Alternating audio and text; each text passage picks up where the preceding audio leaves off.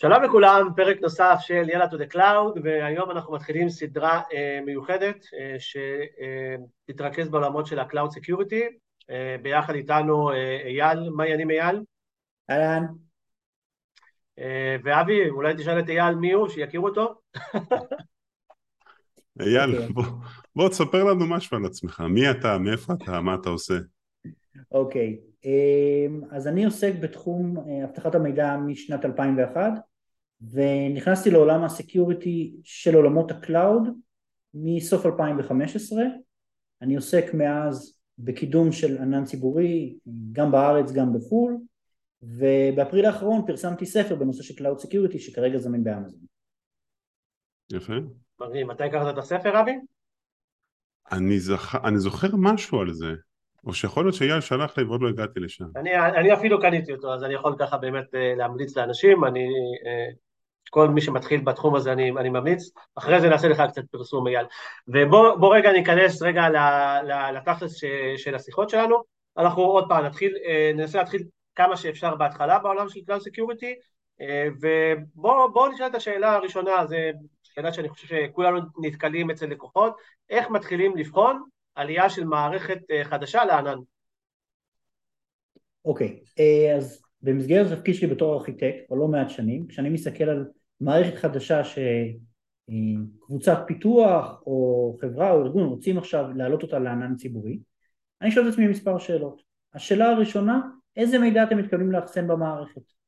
אם מדובר במידע שהוא בהגדרה ציבורית, זאת אומרת זה יכול להיות איזשהו אתר שכל מידע שהוא במידה והוא יגיע לכל לקוח שהוא ויזלוג החוצה לא יגרום נזק לא ללקוחות ולא לארגון אז כנראה שאני אקל ברמה של ההגנות אבטחת מידע אם זה מידע שבהגדרה הוא נוגע לנתונים אישיים, נתונים פיננסיים, נתונים רפואיים, אז אני כנראה אשים הרבה יותר בקרות, אני כנראה ארצה לחשוב על משהו כמו הצפנת המידע, ניטור מי ניגש למידע, דברים בסגנון הזה.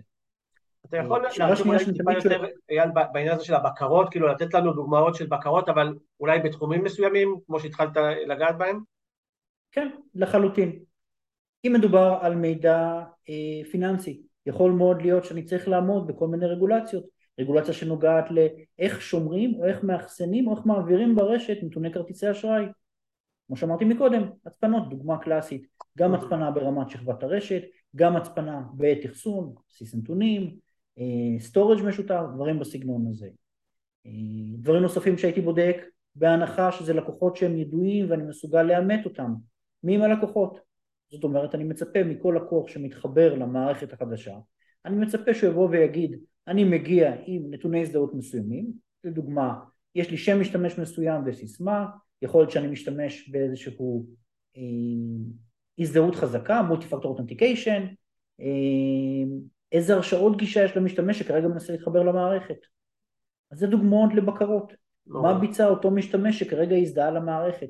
אני רושם את זה באיזשהו קובץ בצד על מנת שאחר כך אם אני ארצה לתחקר מי ניגש למערכת ומה הוא ביצע, יהיה לי את המידע הזה זמין. זו דוגמה לבקרות על מידע אה, שמלכתחילה אמור להיות מוגן יותר. כן. אז אוקיי, אז, אז אחד זה באמת אה, אה, סוג הדאטה, בסדר? אה, אה, ש, ש, שרוצים לעלות לענן. אה, איזה עוד דברים אנחנו נתייחס אליהם? דבר נוסף שאני תמיד שואל זה מי הם הלקוחות? לקוחות פנימיים או לקוחות חיצוניים?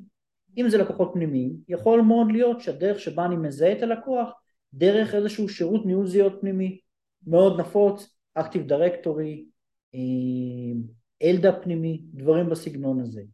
אם זה לקוח חיצוני, יכול להיות שהמידע הוא אומנם זמין מהאינטרנט, אבל יכול מאוד להיות שזה איזשהו אתר פיננסי או אתר רפואי או איזשהו אתר שדורש מהלקוח להזדהות. אז פה אני צריך לחשוב איך אני מזהה את הלקוח. יכול להיות שיש לי איזושהי מערכת ניהול זהויות שהיא גלובלית, ואז הלקוח יכול לבוא ולהגיד אני מזדהה עם החשבון שלי בג'ימל או בפייסבוק או בטוויטר וככה אני מזהה אותו ואז אני מחליט איזה הרשאות גישה יש לו אחרי שהוא כבר הזדהה למערכת. אה, הדבר הנוסף שאני בדרך כלל אוהב להסתכל על ארכיטקטורות אה, אני נוהג, נוהג להגביל את זה לעולם התקשורת למה שנקרא מודל OSI, מודל שבע השכבות. זאת אומרת החל מהשכבה הפיזית, שכבת התקשורת, שכבת התצוגה ועד שכבת האפליקציה עצמה. ובכל שכבה אני מנסה להתאים את הבקרות בהתאם. האם אני עושה הצפנה על גבי התקשורת, האם אני עושה הזדהות בשכבת האפליקציה, האם אני עושה בדיקת הרשאות גישה בשכבת האפליקציה, האם אני מגן מפני מתקפות אפליקטיביות, לכל שכבה אני, אני מנסה להתאים את, ה, את ההגנות המתאימות. אז ככה אני מסתכל על כל מערכת חדשה שאני בוחן אותה. עוד איזה דברים חשובים שאולי לא, לא נגענו בהם עדיין? נושאים נוספים שאפשר לבחון אותם כשמסתכלים על אפליקציה חדשה זה נושא של האם יש אה, היבטים של חוק ומשפט, האם יש איזושהי רגולציה במדינה מסוימת. לדוגמה, נאמר שאני איזשהו אתר שמוכר שירותים ללקוחות אירופאים. סביר להניח שהמידע יהיה מידע אודות לקוחות, אודות אזרחי האיחוד האירופי, מה שאומר שאני צריך לעמוד ברגולציה כמו ה-GDPR. אם זה לקוחות בקליפורניה, אז כנראה שאני צריך לעמוד ברגולציה מקבילה שנקראת CPRA. מה שאומר שיש משמעות בין הרגולציה לבין מיקום הנתונים עצמם. היום, ואנחנו כנראה נדבר על זה באחד הפרקים בהמשך, לגבי נושא של מיקום חוות שרתים, עצם העובדה שבשנה הקרובה יהיו חוות שרתים של כל ספקי הענן הגדולים במדינת ישראל, זה יאפשר להרבה מאוד לקוחות בתוך מדינת ישראל לשמור את הנתונים עבור אזרחי מדינת ישראל בתוך השטח הגיאוגרפי של מדינת ישראל והשטח המשפטי החוקי של מדינת ישראל. כן, האמת שזו נקודה שאפשר לדבר עליה אה, אה, שעות ונראה איך אה, בהמשך נוכל להתייחס להיבטים האלה שהם מאוד חשובים. באמת כולם יודעים שכולם, לפחות אני חושב כל מי ששומע אותנו, שהתחיל כל התהליך של נימבוס, צבא, ממשלה, אני חושב שגם חלק מהארגוני enterprise מתחילים יותר ויותר ליישם את ה... להשתמש בנימבוס כמנוע או לייצר מנגנון דומה, ואני חושב שצריך להסתכל על ה... על הנקודות האלה בצורה מאוד מאוד מעמיקה. אה, ואם אנחנו מדברים רגע על כל העולם הזה של, אה, של Cloud Security, חשוב לי, אייל, אתה בחור מאוד מסודר, אני יודע, אה, איך אתה בא ויכול להגדיר בעצם את הסוגי העננים הקיימים, איך מתייחסים. לא יודע, איך אתה רואה ענן פרטי, ענן ציבורי, היברידי? יש הגדרות שמי שהגדיר לפחות חלק מהן, ארגון התקינה האמריקאי, הניסט, אה, ככה מהראש, נושא של ענן פרטי, ההגדרה היא אה, תשתית שמי ששולט עליה ומי שמנהל אותה זה הארגון עצמו. אה, ענן ציבורי, תשתית שמשרתת לקוח אחד או יותר ומי שמתחזק אותה זה ספק שירותי ענן ובהגדרה המידע, התשתית עצמה היא ציבורית.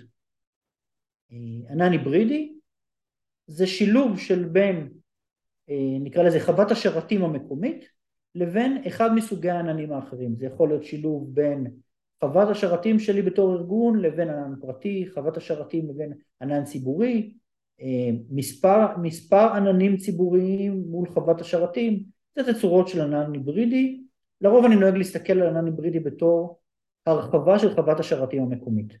בסופו של דבר אני צריך עדיין להתעסק עם הנושא של עדכוני אבטחת מידע, ניהול זהויות, אה, ניטור אירועי אבטחת מידע, יש, יש המון המון היבטים שהם בסוף המשך של חוות השרתים המקומית וההגדרה אני חושב הכי מורכבת שהכי הרבה יש לגבי ההשגות אה, זה נושא של multi אה, cloud או תצורה של ריבוי עננים אין הגדרה אחת שמקובלת, כל אחד נוהג להסתכל על זה בצורה שונה אני בדרך כלל מסתכל על זה מהנקודת מבט של המידע עצמו מה אני עושה עם המידע זאת אומרת שאם יש לי עכשיו שני שירותים שאני צורך, נאמר שירות דואר בענן ונאמר אה, מערכת ששומרת נתונים על לקוחות, מערכת CRM. Mm-hmm. אם אני לא מחבר בין הנתונים האלה, בעיניים שלי בתור ארכיטקט, זו תצורה שיש לי מספר עננים אבל זה לא תצורת multi cloud. לעומת זאת אם אני עושה איזשהו קשר בין הנתונים על גבי פלטפורמות ענן שונות, בעיניי, שוב ברמה הסובייקטיבית, זה תצורה של multi אה, cloud. דוגמה קלאסית, מערכת CRM שיושבת על ענן של ספק אחד, למול מערכת אנליטית שיודעת להתחבר ל-CRM, למשוך נתונים, לעשות כל מיני שאילתות ולהפיק דוחות למנהלים. זה תצורה קלאסית של multi cloud, שבו אני מחבר מספר שירותי ענן אה, אחד עם השני.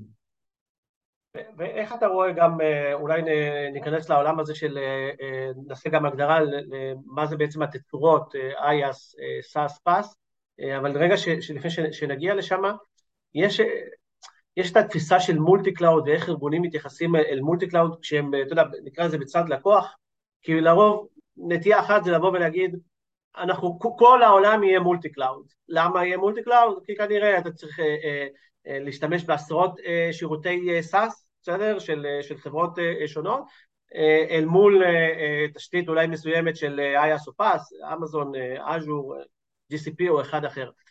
איך אתה מסתכל רגע בנקודת מבט של לקוח על ה, על ה... איך אתה מגדיר באמת multi cloud?